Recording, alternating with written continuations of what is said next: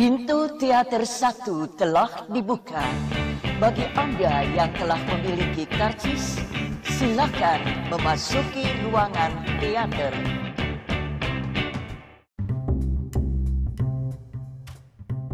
Baik lagi sama Mustafa di podcast habis nonton film. Nanti kita cerita tentang hari ini. Wow. ya kali ini gue akan ngebahas film film nanti kita cerita tentang hari ini ya. Sebuah sajian terbaru dari Visinema Pictures. Uh, film karya Angga Sasongko yang sebelumnya dirumorkan yang akan menyutradarai itu adalah Yandi Lawrence dan uh, kabar yang beredar nih, Yani Lawrence mundur karena ketidakcocokan konsep gitu sih. Kabar burung yang beredar ya. Gue nggak bisa mengklaim itu fakta aja. Intinya gitu. Katanya dulu Yani Lawrence pernah hampir masuk jadi saudara tapi karena nggak cocok jadi angka sesongkol sendiri yang take over. Dan ternyata filmnya bagus banget. Uh, 2020 gue yakin akan banyak film bagus dan benchmarknya dan dan levelnya standarnya tuh udah ditinggi banget gitu. Karena kan Kecitahi adalah film yang secara kualitas menurut gue lengkap ya uh, punya punya kekuatan di nyaris semua lini gitu. Penulisannya rapi banget penyutradaraan rapi banget sinematografinya bagus banget musik yang mungkin kurang cocok untuk beberapa orang. Tapi secara personal gue suka uh, banyak banyak banyak bagian musik yang lirik dan adegannya tuh sama. Meskipun secara uh, musik belum belum belum tentu cocok untuk semua orang gitu ya. Maksudnya kayak Hindia gitu kan nggak semua orang dengerin dan ya untuk yang tahu dan apa rasanya mendengar dan yang suka dengan musik itu mungkin akan nggak cocok-cocok aja kayak gue gitu.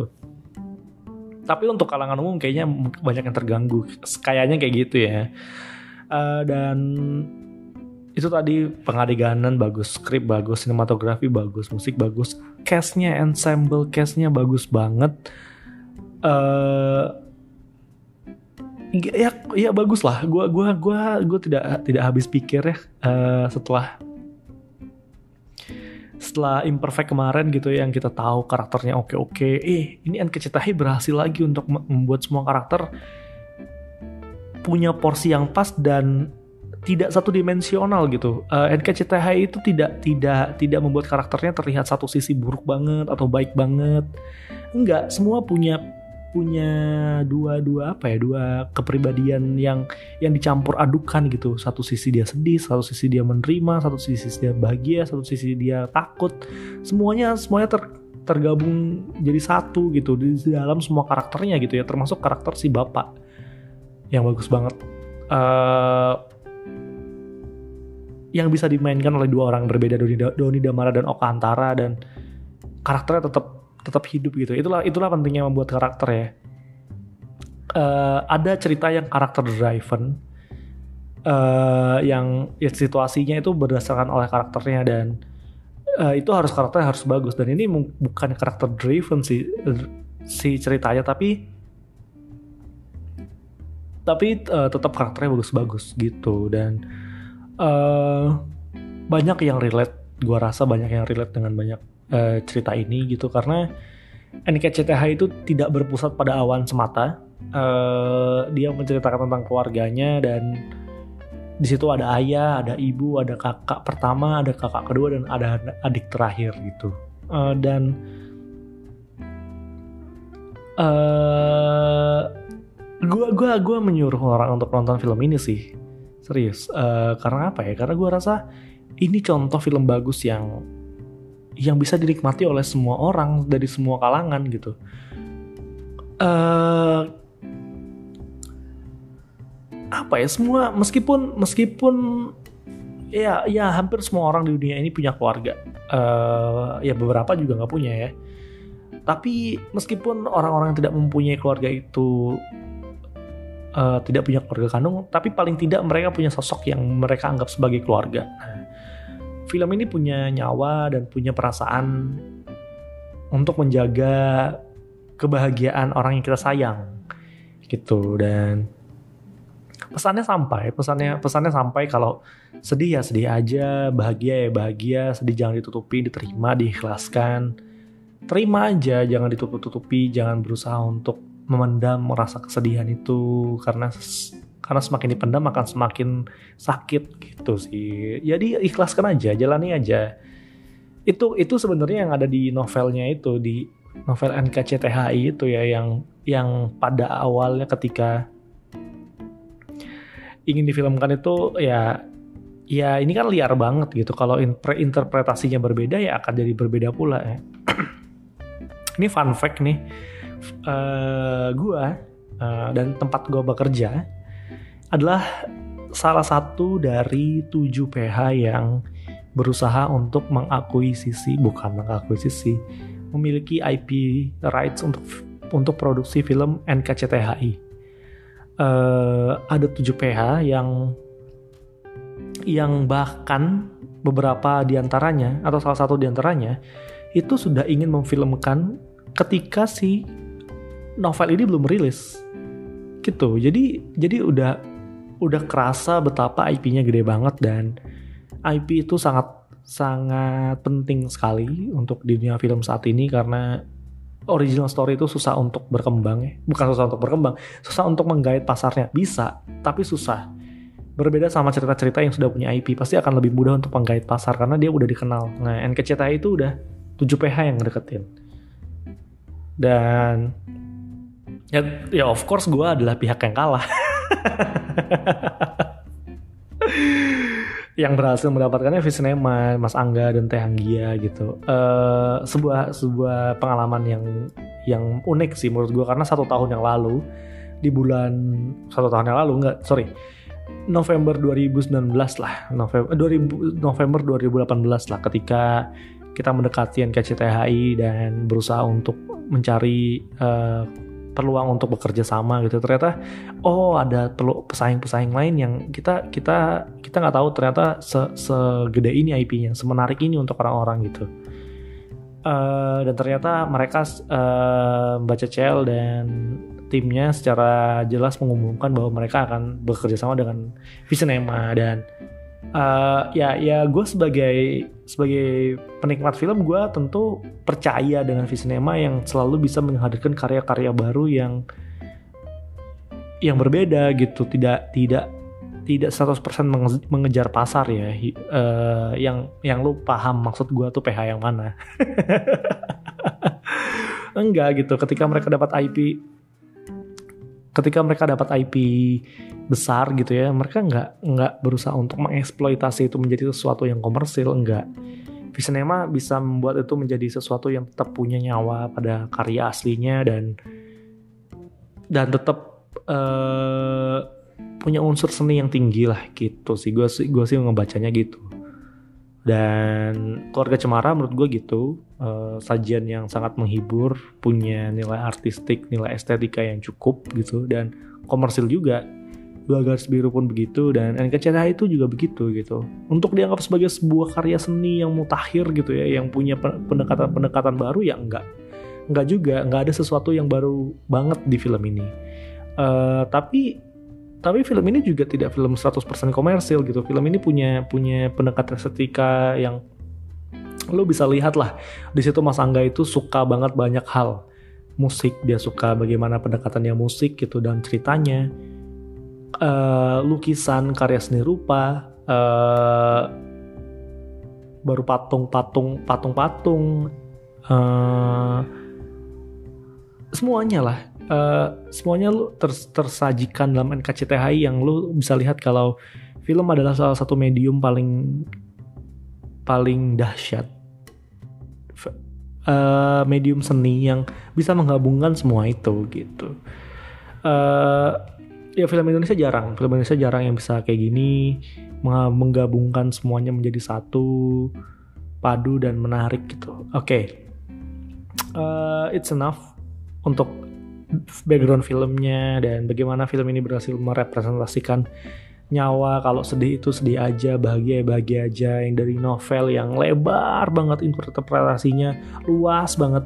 Dan akhirnya menjadi sebuah film yang sama persis rasanya. Nah uh, eh, gue mulai dari karakter awan ya. Karakter awan ini menurut gue karakter yang yang yang akan sangat mudah untuk di dipahami rasanya oleh semua orang karena uh, pendekatannya dan cara cara Mas Angga untuk menyampaikannya lebih jelas ketimbang karakter-karakter yang lain gitu.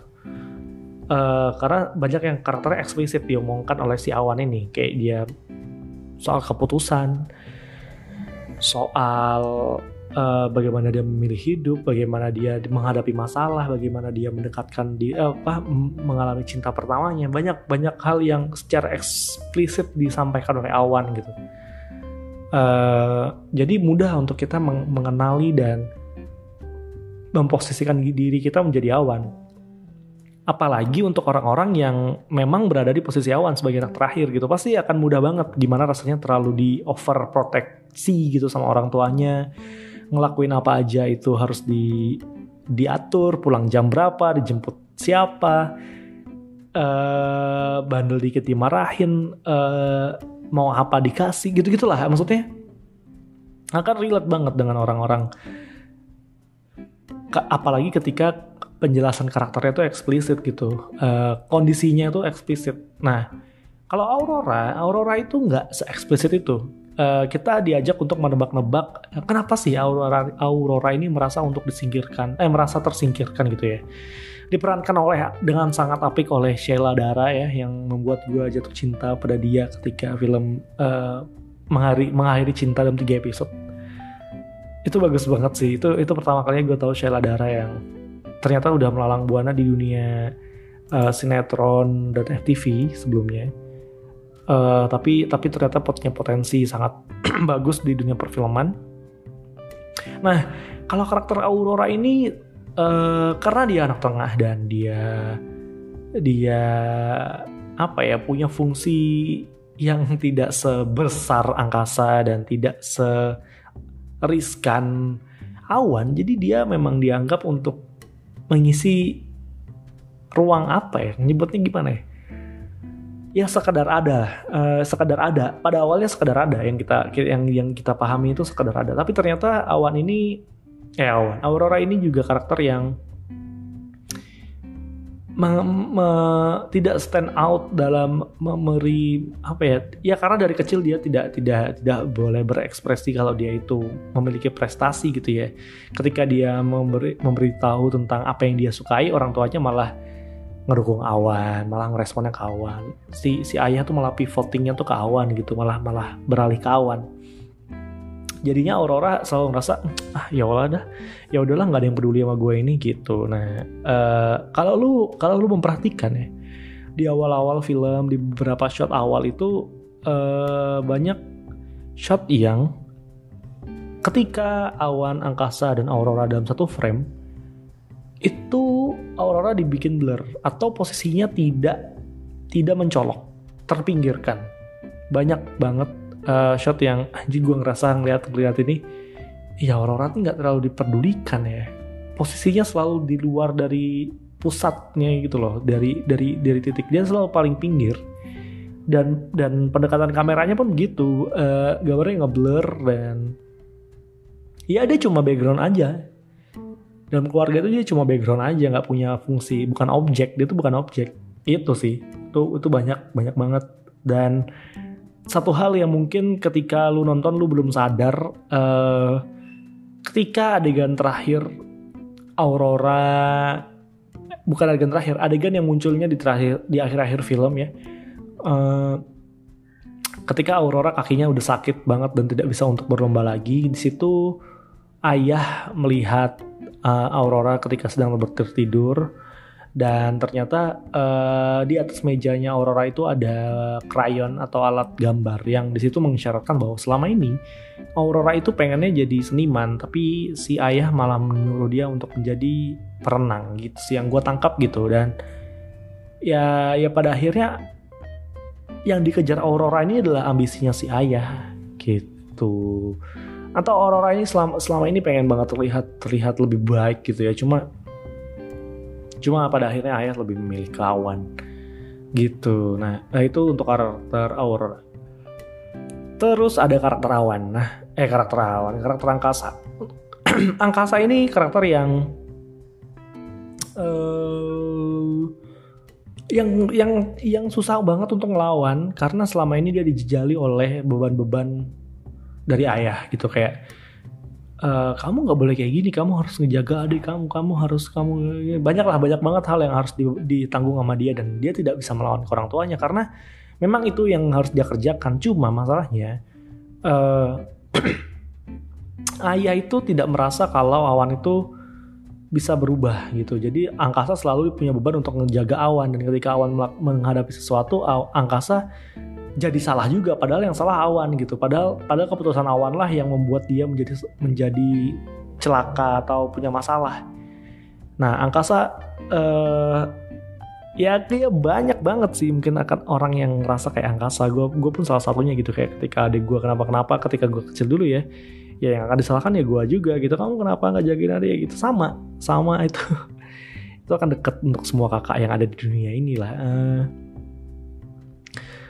ya karakter karakter angkasa menurut gue karakter yang yang yang menarik gitu. Karakter yang ya tetap sayang dengan orang tuanya tapi uh, ya dia punya punya punya rasa ingin ingin melawan juga tapi ya nggak mungkin bisa. Dan dia sangat sayang dengan adik-adiknya dan dia baru sadar kalau selama ini dia memperlakukan Aura dengan tidak baik.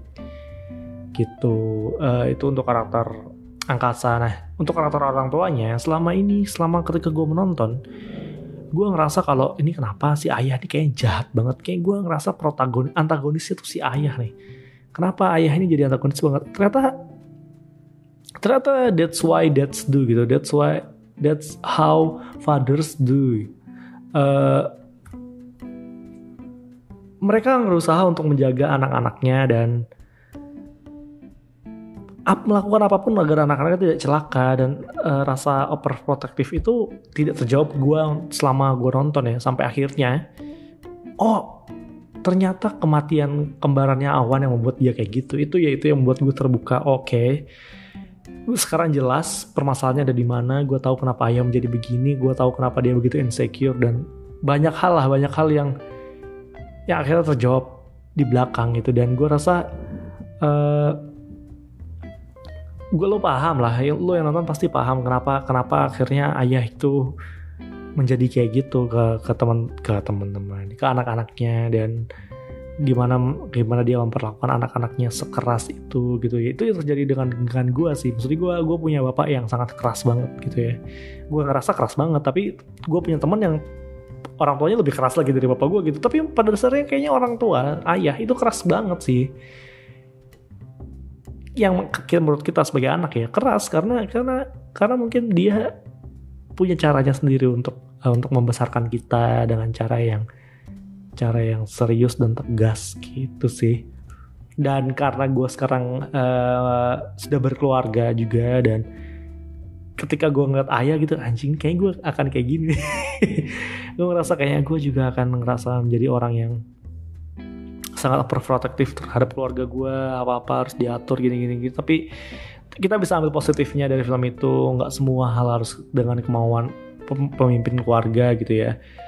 Semua bisa didiskusikan dan dirembukin bareng-bareng. Apa mau apa gimana caranya rembukin bareng-bareng. Jangan ada yang ditutup-tutupi. Utarakan semuanya dan ya itulah uh, jadi jadi pemimpin yang bijak aja. Jadi pemimpin keluarga yang bijak gitu. Itu untuk karakter karakternya dan karakternya nggak ada yang nggak ada yang punya alasan yang nggak jelas. Uh, akhirnya terjawab semua si ibu. Ibu ini kan dari awal film nggak pernah ngomong ya ketika versi dewasanya gue ngerti kenapa dia nggak pernah ngomong. Eh ternyata di belakang ibu itu ng baru ngomong karena sebenarnya ibu ini sudah merasa ikhlas tapi cuma untuk dirinya sendiri. Bukan untuk keluarganya. Dan akhirnya ketika di belakang dibuka barulah dijelasin salah satu kenapa ayahmu kayak gini? Ayah gini gini gini gini gitu sih maksudnya ter terungkap dengan jelas kenapa si ibu ini ngok dia mulu. Gue pas nonton nih kenapa ini orang-orang keluarga berantem? Ibu kenapa diem aja? Akhirnya si angkasa maksa ibu ngomong bu ayo ngomong bu. Anjir. What a script man. That's that's very good.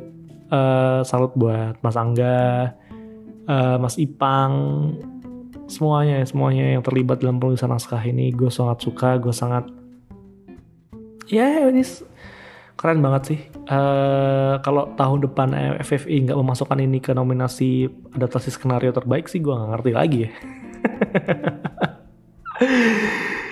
itu sih uh, apa lagi ya? Kale. Nah ini nih kale nih seru nih. Uh, kale itu adalah cowok-cowok pada umumnya. Uh, gini loh. Uh, cowok itu ya memang suka untuk membuat cewek merasa nyaman. Uh, tapi untuk ditanya keputusan menjalin hubungan sebagai sesuatu yang serius atau enggak kalau dia bisa membuat membuat dia nyaman dan bersama-sama senang kenapa nggak kita jalanin itu aja gitu? Kenapa harus yang lebih serius gitu ya? Kalau posisinya yang lebih suka cewek. Bener nggak? Bener nggak buat lo yang cowok-cowok yang dengerin ini? Iya kan? Bener kan? Maksudnya gini kalau ketika lo deketin cewek terus cewek yang ngerasa nyaman lo ngerasa nyaman tapi tapi timbangan itu lebih berat di cewek. Dan ketika cewek itu bilang kita ini kayak gimana? Pasti lo akan bilang kita gini aja kali ya.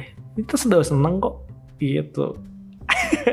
Cuma kalian kalian lebih takut. Kalian kalian punya pengalaman yang yang lebih uh, yang tidak mengenakan lah soal percintaan dan komitmen. Jadi dia tidak dia memutuskan untuk tidak menjalin hubungan dengan si awan gitu loh. Dan ya gue paham sih uh, fungsi kale di sana. Tadi gue berasa kale ini fungsinya apa ya? Oh ternyata fungsi kale itu adalah mengubah awan menjadi sosok sosok yang baru. Itu loh fungsi fungsi fungsinya kali itu krusial. Di film itu fungsi karakter yang paling krusial adalah Kale kalau Kale nggak datang Awan akan jadi orang yang sama dan nggak ada tuh pertengkaran dan nggak ada tuh yang lain-lain tuh nggak ada jadi Kale itu karakter yang paling penting yang ada di sana. Untuk mengubah cerita itu ya karena kan harus ada yang mengubah cerita itu dari yang kehidupan rutinitasnya kayak gimana sampai akhirnya si awan itu bengal gitu ya. Nah itu tuh harus ada yang ngerubah nggak mungkin gak ada yang ngerubah dan Kale itu berhasil. Karakter Kale itu berhasil secara halus gitu ya. Dia masukin ke, dalam-dalam dan bisa berhasil ngerubah cara pandangnya si uh, awan dan akhirnya awan berubah dia ngerasa ih kenapa gue selama ini nggak bisa memutuskan sesuatu dengan gue sendiri gitu? Kenapa gue harus minta tolong atau gue harus keputusan itu harus diputuskan oleh bersama gitu? Kenapa gue nggak punya keputusan itu sendiri? Dan akhirnya akhirnya terwujud.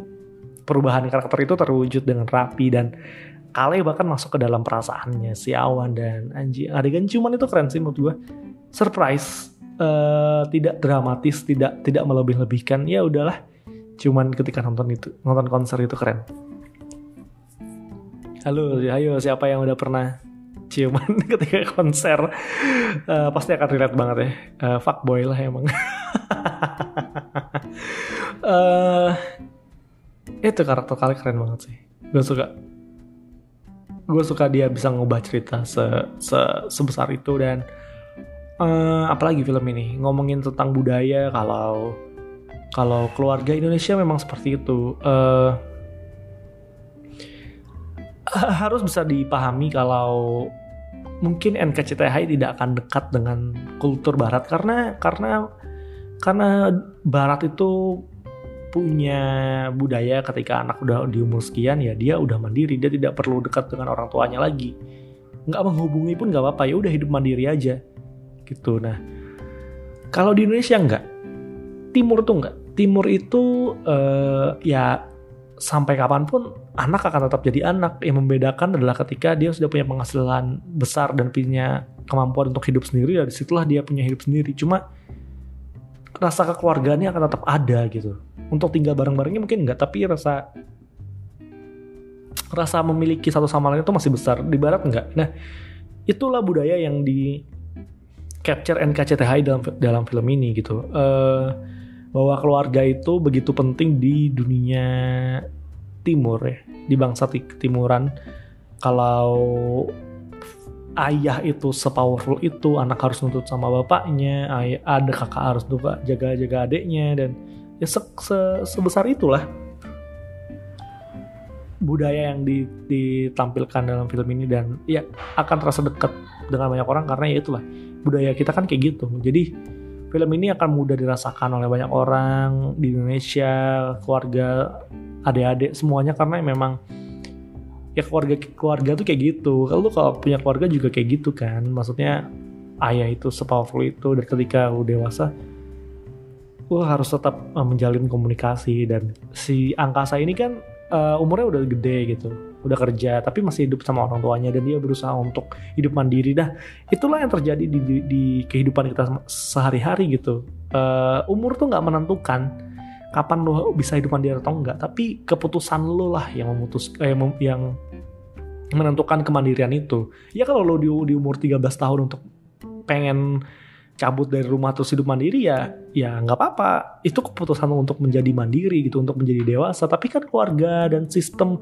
kehidupan kita nggak kayak gitu. Lu ya kalau bisa hidup di luar secara sendiri ya ketika lu udah punya penghasilan tetap udah sekolah udah udah matang secara cara pikiran gitu. Kalau di Amerika tuh seingat gue 17 atau 20 berapa gitu. Itu udah saatnya out dari rumah. Udah lu jalanin hidup sendiri lu mau kayak gimana lu harus survive lu di luar gitu. Lepas aja udah gitu. Tapi kalau kita kita enggak. Kita kita kita tuh menganut kultur yang kayak gitu. Gitu sih. Ini uh, akan film yang harus lo tonton. Kalau lo belum tonton ya tapi kalau lo belum nonton udah dengerin podcast ini sampai sini gila juga sih. Podcast habis nonton film tuh uh, didengarkan ketika lo udah nonton film ya.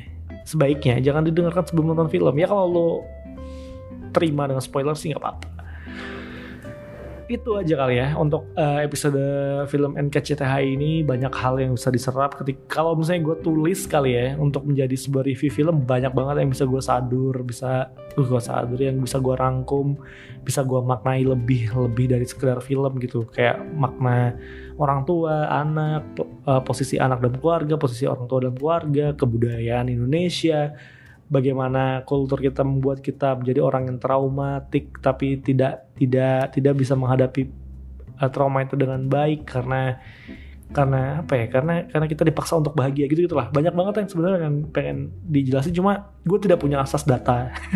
Gue tidak tidak tidak melakukan riset yang begitu dalam jadi ya gue cuma omongin yang kira-kira gue tahu aja itu aja untuk episode kali ini. Uh, tonton bioskop film-film Indonesia yang bagus menurut lo. Jangan tonton film jelek karena lo hanya akan mendukung film-film jelek. Itu aja untuk episode kali ini. Sampai jumpa di episode selanjutnya. Dadah